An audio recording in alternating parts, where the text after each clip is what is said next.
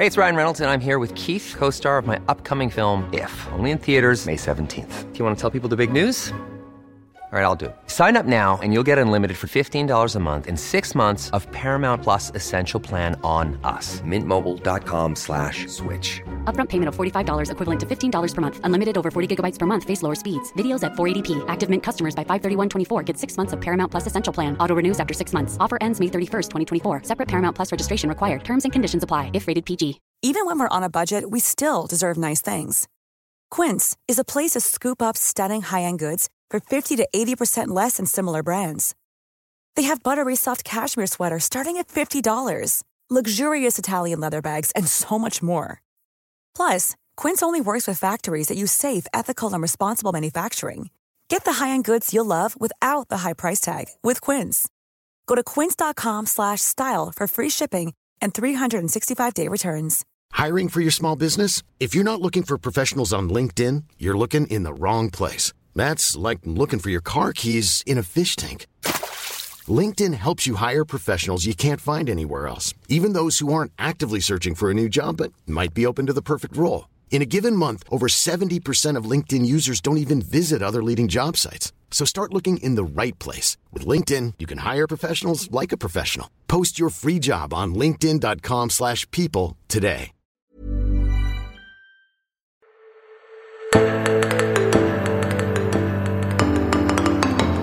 I denne ukens episode av Tore og Tarjei sitter Tore Hjalmar Sævik og meg sjøl, Tarjei Gilje, hver for oss som vanlig har blitt. Det er slutten av januar, Tore Hjalmar, men ennå er det vel en stund til du må kanskje ufrivillig forlate ditt hjemmekontor? Ja, det kan jo være godt med litt variasjon, men jeg har det, jeg har det bra her også. Tror jeg. Du er vel blant de 20% av arbeidsstokken i Norge som egentlig syns dette var ganske fint, å få sitte i fred. ja, det er du skal få Det bør kanskje nevnes da, at, at jeg har felles kontor med deg til vanlig. Ja, så kan man tolke, tolke akkurat det som man vil. På forsiden av papirutgaven av dagen, eh, tirsdag altså denne uken, så var det bilde av Danmarks statsminister Mette Fredriksen. Overskriften 'Vil oversette religiøse prekener'. Eh, lovforslag i Danmark som vekker reaksjoner. Eh, hva, hva, hva, hva inntrykk gjorde den saken på deg? Jeg skrev jo den saka, så, så sånn sett Så du har i hvert fall lest den? Så jeg har jo tenkt litt over det. Nei, jeg tenker at det er et uh, interessant eh, signal som også har en viss overføringsverdi. Nå er jo Sylvi Listhaug, som er nestleder i Frp, stilt seg positiv til en lignende ordning i Norge, men har jo ikke møtt noe gehør for det i andre partier. Men det sier jo likevel noe når Danmark, som liksom regna for å være det mest liberale landet i Norden, vurderer en sånn, eh, sånn lov. En har jo møtt motstand fra ja, alt fra eh, danske biskoper til eh, eh, minoritetsgrupper som dette gjelder, fordi en, en eh, mener dette i praksis eh, innskrenker både trosfriheten og forsamlingsfriheten, men, men også at det kan eh, bli veldig krevende administrativt for eh, små ja, fellesskap av rumenske pinsevenner og, og, og filippinske katolikker, eller det er muslimer fra Irak. Altså det, det er mange som kanskje ikke har utgangspunktet ressurser til det. Det er ikke sikkert alle opererer med, med skriftlige manus heller. og Hvis det da, eh, dette skal begynne å leveres inn, så, så er det jo begynt å minne om, om regimet som eh, som en i Norden ikke vil eh, like å sammenligne seg med. Og det var jo som en dansk biskop påpeker, hvordan hadde en tenkt hvis det var danske kirker i andre land rundt omkring i verden som, som måtte oversette sine preik og sende det inn til myndighetene. Vi fikk jo ny eh, tros- og livssynslov her i landet som trådte i kraft nå ved årsskiftet. Og Der heter det bl.a. at eh, tros- eller livssynssamfunn som tar imot bidrag fra stater som ikke respekterer retten til tros- og livssynsfrihet, kan nektes tilskudd. Sånn at vi har på en måte en viss sånn, eh, et sanksjonsmiddel i Norge, selv om det selvfølgelig er vesentlig mindre strengt enn det som er foreslått her. Det er vel, det er vel man kan i hvert fall tenke at det er opplagt at det som dette egentlig handler om, er eh, radikaliserte imamer fra f.eks. fra Midtøsten, som, som eh, taler eh, hat mot, eh, mot jøder, mot eh, homofile, mot andre grupper som, som står lavt i kurs hos noen retninger, og så da for å lage et lovverk som det går an å gjennomføre, så begrenser man ikke kravet til disse, men man setter det over hele fjølen. Med en del ekstra konsekvenser. Men er det, er det den vurderingen du kjenner igjen eh, når du, når du leste hvordan òg dansker reagerer på forslaget? Ja, det, er jo eh, sosialdemokratiet, som det nå heter. Eh, det sosialdemokratiske partiet i, eh, i Danmark, som, som, foreslår dette. Og, eh, og de borgerlige partiene, eller ikke-sosialistiske, som, som, noen vil foretrekke å si, eh, har vel uttrykt en skepsis til en sånn generell oversettelsesplikt, eh, og meint at det kunne gjelde bare for for visse muslimske miljø, f.eks. Men det blir jo lite prinsipielt, og dermed ikke så lett å, å, få innført. Men spørsmålet er om det er mulig å innføre dette her eh, med tanke på forpliktelsene som Danmark har med Den europeiske menneskerettighetskonvensjonen, f.eks. Det er jo ingen tvil om at, eh, om at religiøse miljøer kan uh, altså øve negativ innflytelse på mennesker og kan bidra til, til både vold og hat, altså på et helt prinsipielt plan. Det er lett å, å se det. Hvordan opplever du forståelsen for behovet for sterkere statlig kontroll er hos danskene? Danmark har jo erfart eh, religiøst motivert terror. I, eh, det var vel i 2015 det var, eh, det var angrep på, både på den der Kruttønnen, som det heter, og mot eh, synagogene i København. Eh, sånn at det er jo eh, mennesker som er blitt drept i, i Danmark i sånne, sånne, handlinger. Og det er klart at det gjør nok noe med et, et samfunn. Men så, så er det jo er det jo litt som eh, jeg lurer på om Benjamin Franklin som sa det, en av de, eh, en av de amerikanske grunnlovsfedrene, at den som er villig til å gi slipp på noe av friheten sin for å eh, beholde noe av tryggheten sin, han fortjener verken frihet eller trygghet.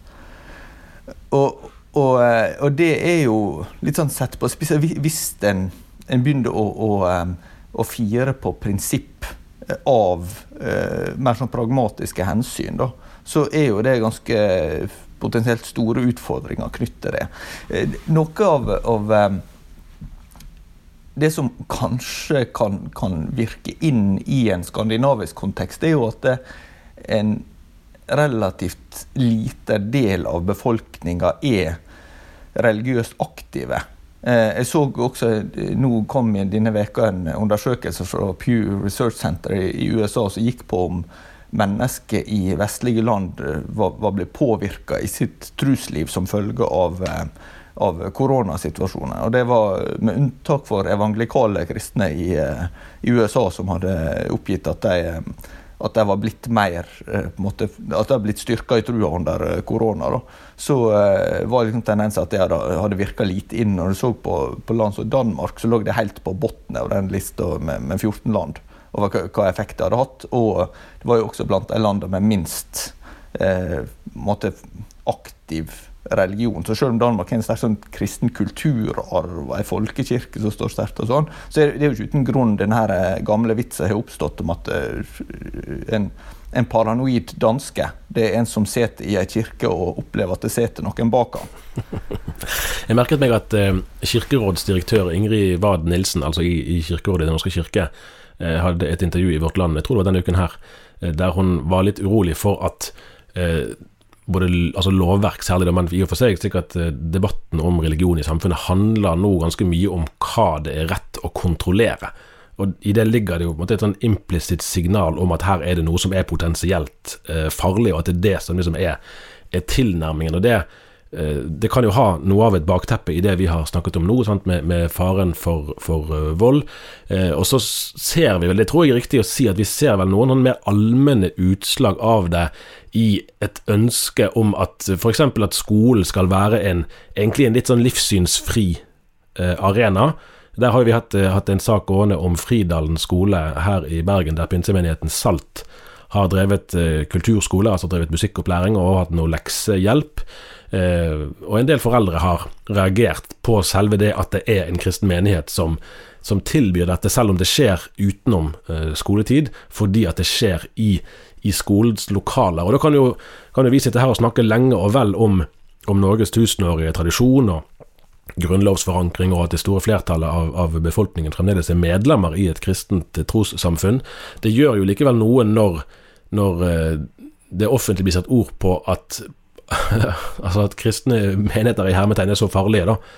Eh, eller i hvert fall suspekte, eh, oppleves det som, at de faktisk ikke bør ha noen plass. F.eks. på en offentlig skole, selv om det er utenom skoletiden. Jeg tenkte på, på det jeg hørte et intervju nylig som også skrev om i, i uh, avisa. Det, eller intervju, det var en debatt på, på det, den britiske podkasten Unbelievable, der, der, kristne møter ikke-kristne til debatt om, om ja, både trus- og kulturspørsmål, egentlig. Og eh, det som var eh, Spørsmålet i den eh, episoden som jeg tenker på nå, det var om det at skandinaviske land er så sekularisert at det har gjort at, at de skårer så godt på levekårsundersøkelser. Er det det at religion har lite plass i samfunnet, som egentlig har gagna de samfunnet? Det Har ikke vi snakket om det før her engang? Ja, det har vi sikkert. Eh, det, Hukommelsen er en lunefull venn, men har en fornemmelse av at de har vært innom det før. Eh, nei, Jeg ville bare nevne at det var en observasjon som Stefan Gustafsson, som, eh, som er den svenske teologen, og som underviser også ved NLA i, i Kristiansand, var var inne på at han mente de skandinaviske landene hadde gått fra å være én type monokultur til å kunne bli en annen type monokultur. Og du, du måtte jo lenge være medlem i Den norske kirke for å være nordmann. Eh, vi hadde ikke eh, egentlig formelt religionsfrihet før i 1845. Eh, og, og at vi nå kanskje kan bevege oss i retning av altså det, Der det den lutherske statsreligionen var en selvsagt forutsetning tidligere, så kan en, slags, en, slags, sekulær humanisme i en eller annen variant da, være sett som en slags felles utgangspunkt, selv om vi snakker om at det skal være et livssynsåpent samfunn. Akkurat. Ja, for her, her, har det jo skjedd eh, en hel del eh, bare i din og min levetid når det gjelder den generelle tilnærmingen til religion. Og nå, nå ser jeg jo iblant sant, man, kan, man kan komme over debattinnlegg eller uttalelser som går i retning av at ja, disse konservative kristne de setter jo Guds ord over Norges lover. Og det høres jo, uh, høres jo ille ut, bare sånn uh, hvis man tar utsagnet for det det er der. Uh, for mange, de som har vokst opp tror jeg, i omtrent alle eh, kristne menigheter i Norge, vil jo sånn umiddelbart vite at det er jo ikke et utsagn som brukes generelt til at, liksom, at det, man skal være på noen som helst måte likegyldig til Norges lover. Tvert imot vil jo idealet i de fleste kristne miljøer være at man skal være eksemplariske i sin lovlydighet, men at det finnes noen få tilfeller der den kristne etikken pålegger et kristent menneske å være lydig mot Gud eh, mer enn mennesker, men da i en setting der, eh, der, religion blir mer mistenkeliggjort, så vil jo et sånt utsagn kunne høres mye mer skummelt ut enn det gjorde før. Tilsvarende som at det å være radikal har vært et ideal i mange kristne miljø i, altså i århundrer, mens i dag er jo det å være radikalisert noe av det verste man, man eh, liksom kan være. Og I den forbindelse har vi jo eh, bedt våre, de som følger Tore og Tarjei sin, sin, side på Facebook, om å komme med Det kan flere få lov til å gjøre. Som, som det vil vi invitere til det. Men, men bedt om å komme med innspill til til kristne sanger som man har sunget før, som det er vanskeligere å synge i dag, pga. f.eks. en litt sånn militarisert eh, språkbruk? Ja, Vi, vi snakka jo om det før vi stilte det, det spørsmålet der, at eh, barnesanger som f.eks. Eh, eh, 'Jeg er ikke i infanteriet, kavaleriet, høyt oppe i flyet'. Pilot oppe i flyet, er det. artilleriet artilleri og kavaleri er det. Nei, pilot oppe, det var sånn. Men jeg er, men jeg er en Jesus-soldat. Det, det, er jo en type barnesang som en kunne eh, se eller høre tidligere, men, men, eh, det er ikke så vanlig nå. Nei, for det, vel, det, vel, det, falt vel ingen av oss inn at det kunne forstås som noe så bokstavelig som noe nei, sånn geriljavirksomhet i det hele tatt? Ikke i det hele tatt. Vi hadde jo også Frelsesarmeen. Sånn som, som eh, det, det, er jo et merkenavn som står seg veldig sterkt, men det er jo ingen som tenker at det skal være noe voldelig. Eh, og, og så, De har jo også snakket om når de, når de, etablerer nye menigheter, eller korps, som det heter der, at de åpner ild. men, eh, men eh, du, har jo, du har jo også sunget for, for voksne som eh, f.eks. den Fremad Kristi Hermen frem til Hellig Strid. Ja, Fremad Kristi Stridsmenn, tror jeg den heter i pinsevarianten. Ja, ja, ja. men, men det, er jo, det, er jo, vanskelig å se for seg at en sånn sang skal bli brukt i dag, nettopp fordi det, det blir ikke nødvendigvis bare forstått metaforisk. Nei, Du kan lage en frisk avisoverskrift. Eh, hør hva de sier i denne menigheten her. Ja, og det er jo noe av det som skjer kanskje når en eh, enten fra media eller fra politikere som blir referert til hva, er som foregår, eh, så, så, kan en oppleve seg ganske fremmedgjort. For, for, eh, fordi det bærer preg av at en ikke forstår eh, hva, hva dette er faktisk er uttrykk for. Og, og det, det, er jo en sånn, sånn utfordring som sikkert aldri blir helt, eh, helt ferdig med. Og, og det, det, korresponderer vel egentlig til de av mine interesser å snakke om spørsmål som, eh, som på, på, mange vis er uløselige. Jeg tenkte vi skulle lage en fast spalte som het 'Hva er du bekymret for i dag?' eller 'Hva har blitt verre siden sist?' Men det, det, var ikke det som var, var poenget her. Det, det, var bare mer dette her eh, som, som veldig lett blir, blir misforstått. Da. Og, og da, da, da, slo det meg som egentlig ganske sånn opplagte eksempel. Og Der er det jo et poeng at alle bevegelser, politiske eller religiøse, utvikler gjerne i større eller mindre grad da, en egen altså en terminologi eller en, en, kultur for så vidt, som har noen uttrykk som, som helst må forstås i sin sammenheng. Og Der har det jo vært et prosjekt for så vidt helt tilbake til, til lavkirkeligheten og, og, i frikirkeligheten at man, man ville gjerne bort f.eks. fra, fra salmenes litt sånn høytidelige, formelle stil og være mer hverdagslig. Eh, og det har vært liksom en øvelse fra vel lenger du og meg har levd at man måtte ikke ha for mye såkalt Kanaan-språk. I, eh, i, i, sangene. Man ville ha et mer hverdagslig språk, og det kan man jo si mye om. Sant? Men da, da eh, kan man jo risikere at man en måte mister noe av egenarten òg, hvis man eh, gir opp eh, viktige trekk ved sin, eh, ved sin, historiske kultur, for da blir det sider ved, ved bevegelsen som ikke blir, blir, eh, forstått. Men så står man jo åpenbart i en spenning overfor en, en, eh, altså omgivelser som rett og slett mangler kunnskap om den historiske opprinnelsen til disse bevegelsene. Ja, og så er det et eller annet med, med, all kommunikasjon. Den handler jo djupest sett ikke om hva du har behov for å få sagt, men hva du har behov for at noen andre skal få hørt.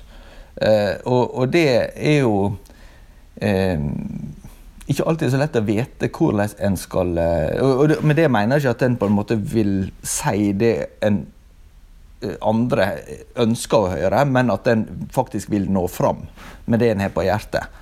Eh, og, og, da kan det være, være en utfordring når du, en skal henvende seg til ei, eh, ei samtid der færre forstår måte, grunnleggende kristne forestillinger og, og ja, hva det å leve som en kristen eh, betyr. Da.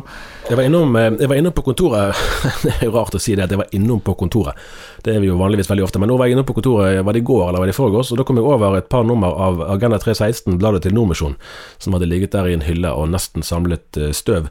Og Da kom jeg over en artikkel fra, fra generalsekretær Kjetil Westel Haga som begynte nå i høst, som forklarte For det kom jo en uttalelse fra, fra Delk og, og, en hel del andre, altså kirkesamfunnet Delk, og fra flere andre om eh, Det var om synet på ekteskapet og samliv sant, i, i, inn i vår tid.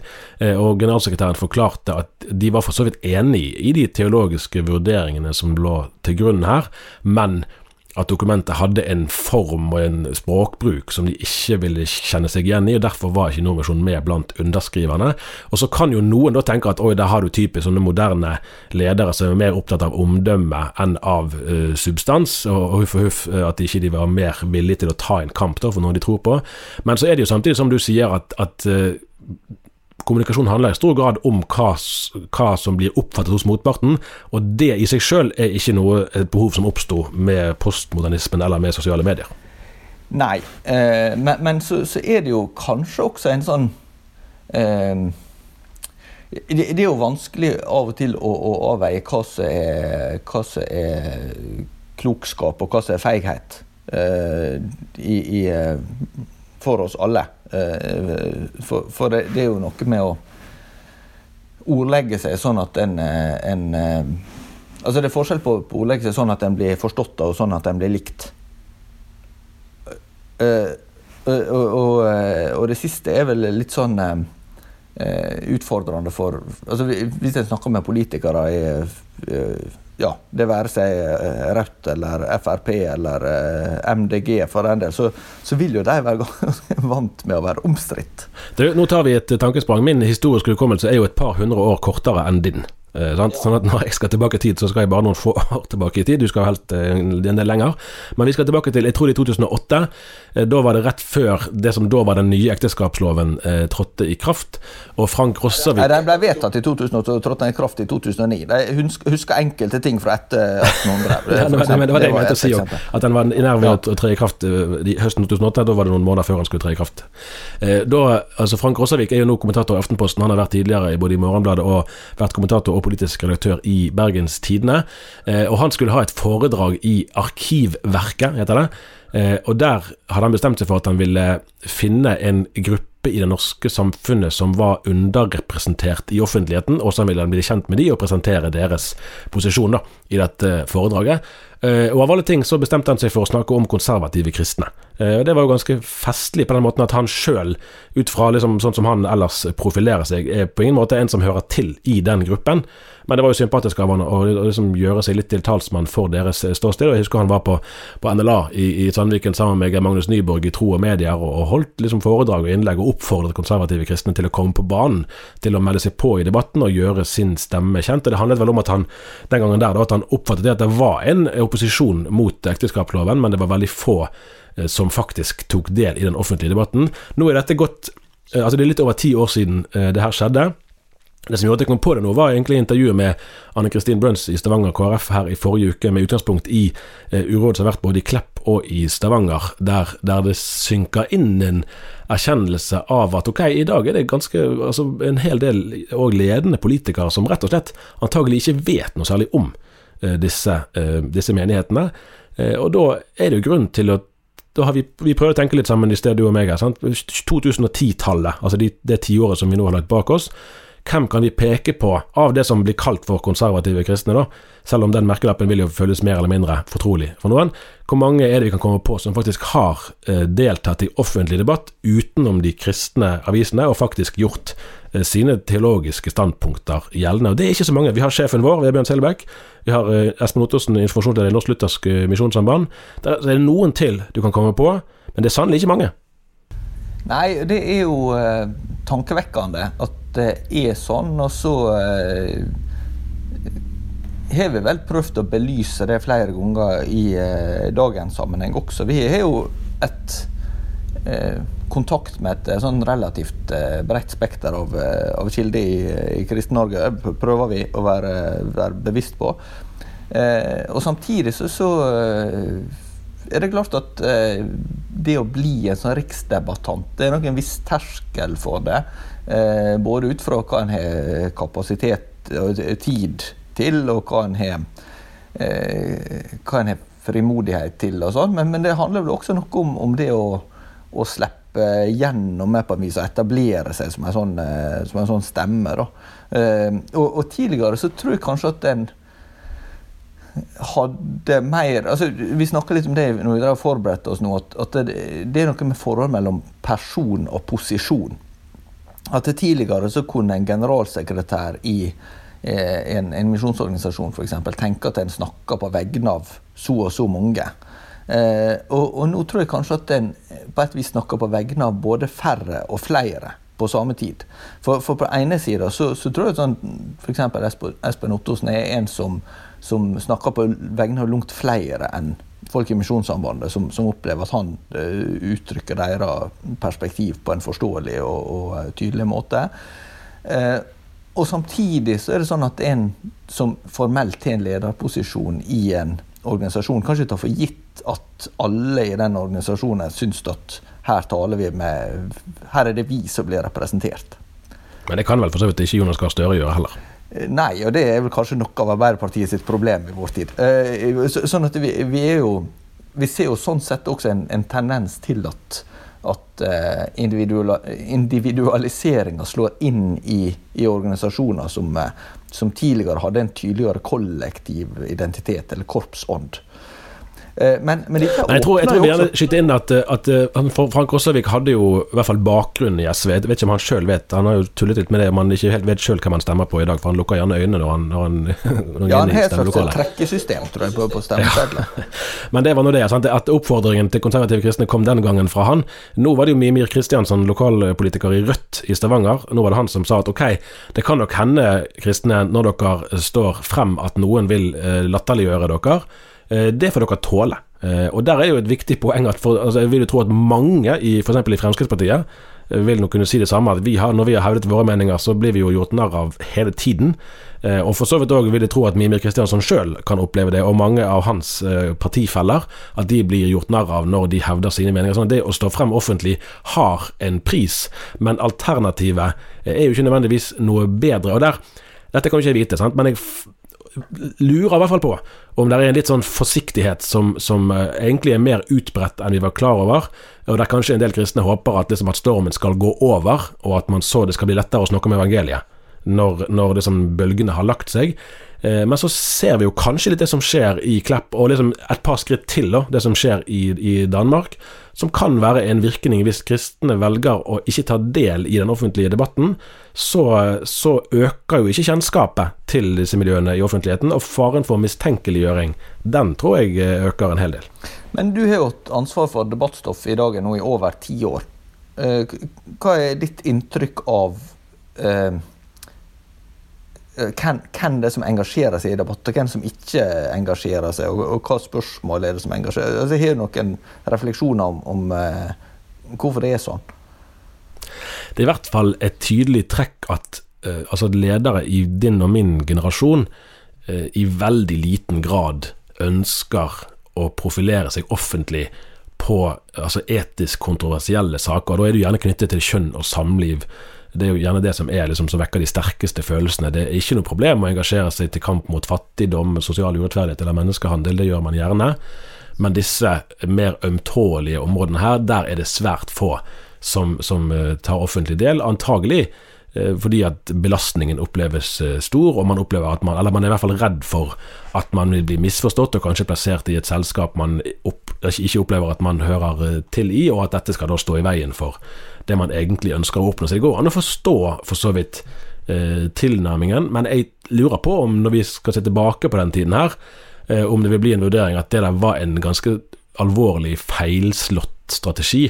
På den måten at, at fremmedgjøringen avtok ikke, den tiltok ved at så få eh, tok ansvar da, for å delta i eh, det offentlige ordskiftet. For det som skjer ellers, er jo at det er Altså, Det er jo et ganske høy, en høy snittalder blant de som tar del i debattspalten, det er én ting. Sånn at det er færre av de som sitter med skoen på, eh, som, som eh, ytrer seg. Eh, og òg når de som kunne vært mer samlende skikkelser, ikke sier så mye, så er det jo en risiko for at mer marginale krefter blir de som har talerstolen.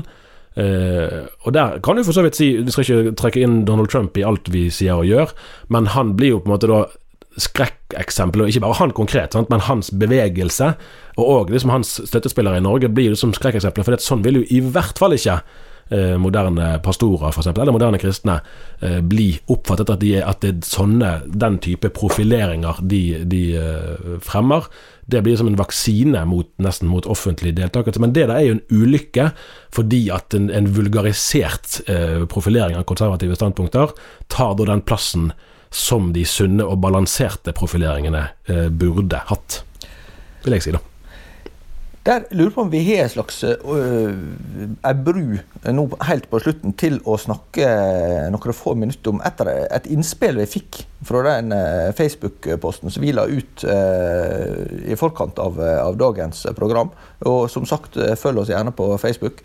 Men der er det en, en som har skrevet masteroppgave i diakoni for noen år siden. Og der eh, kom det fram flere av de eh, informantene som hun snakka med, som hadde hatt utfordringer knytt til eh, bestemte kristne sanger. Og en av dem var 'Jesus spør om du er tøff nok'. Eh, og Det var en eh, som hadde opplevd såpass alvorlig mobbing at vedkommende følte at en svikta Jesus. Og så var det en annen som, som hadde problemer som når et barn kommer hjem om kvelden fordi vedkommende eh, var utsatt for seksuelle overgrep. Eh, og, og, det sier jo noe om på en måte eh, at vi kan ha en personlig situasjon som, som kan, kan, gjøre at ting som for andre virker eh, udramatisk og, og, fint og inspirerende, ikke, ikke, nødvendigvis er det for andre. Men jeg tenkte på den her som nevnte Jesus spør om du er tøff nok. Altså, det, det, er jo en sånn her eh, som en lett kan anvende på det med samfunnsdebatt. Da, om, om eh, vi, vi trenger flere fremodige og tydelige kristne. Men somme vil jo si at debatten nå er blitt så polarisert at, at det virker helt mot sin hensikt. Altså Selv om du sier eh, at, at eh, det er vi trenger flere som er tydelige og fremodige, og sånn, så, så, så, vil en del oppleve at det er så sterke sanksjoner ute og går at den av hensyn til familie og av hensyn til på en måte eh, ja, det å fungere i, i et lokalsamfunn osv. At en vegrer seg mot det. da. Hva tenker du om det? Nei, Det er jo lett å forstå den type avveininger. og det er jo på en måte, Selv om vi kan jo si at vi jobber i media og jobber liksom på en offentlig arena, så er det jo forskjell på å skrive i Dagen og på å skrive i Aftenposten eller Aftenbladet eller Feven eller Adresseavisen eller i, i Bergens Tidende. Eh, så det er lett å si liksom at noen andre, noen andre burde gjøre det. Eh, det skal vi være veldig forsiktige med. Eh, så, det, så, så, på et helt sånn individuelt, personlig plan så kan det være mange slags avveininger som taler for at det kan være lurt å, å være forsiktig, men det er jo likevel en, en, kunst, en edel kunst, da vil jeg mene, å klare å fortelle hvorfor man er for det man er for.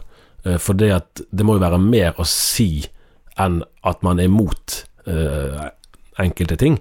Uh, altså, det må jo høre til i en sammenheng, og skal man liksom ha noen sjanse til å vinne frem, i hvert fall å oppnå en forståelse og respekt for det man står for, så må jo det være etter at man har prøvd i hvert fall å sette det i en sammenheng som, som måte for ekteskapet til f.eks. fra et uh, klassisk kristenståsted ikke er på noen måte umulig, fordi at ekteskapet er forbundet med sant, vesentlige idealer som f.eks. troskap, som ikke uh, hører like naturlig hjemme i en, i en, en måte, kultur der man ikke har den i det hele tatt noe ideal om liksom, livslang troskap på samme måte.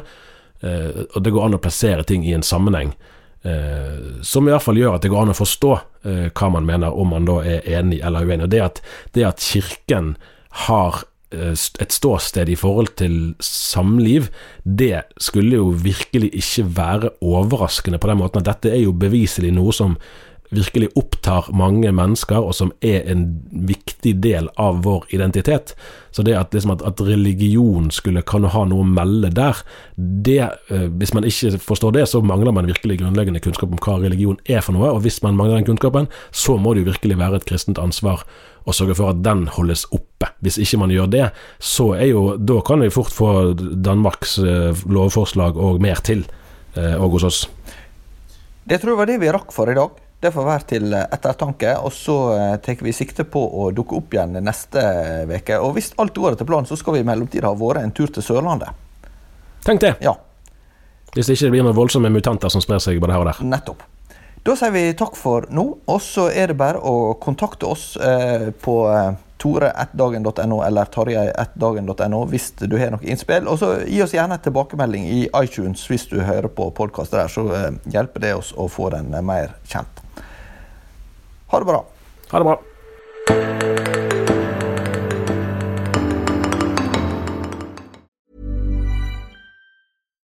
Why don't more infant formula companies use organic, grass fed whole milk instead of skim?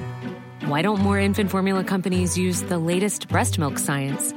Why don't more infant formula companies run their own clinical trials?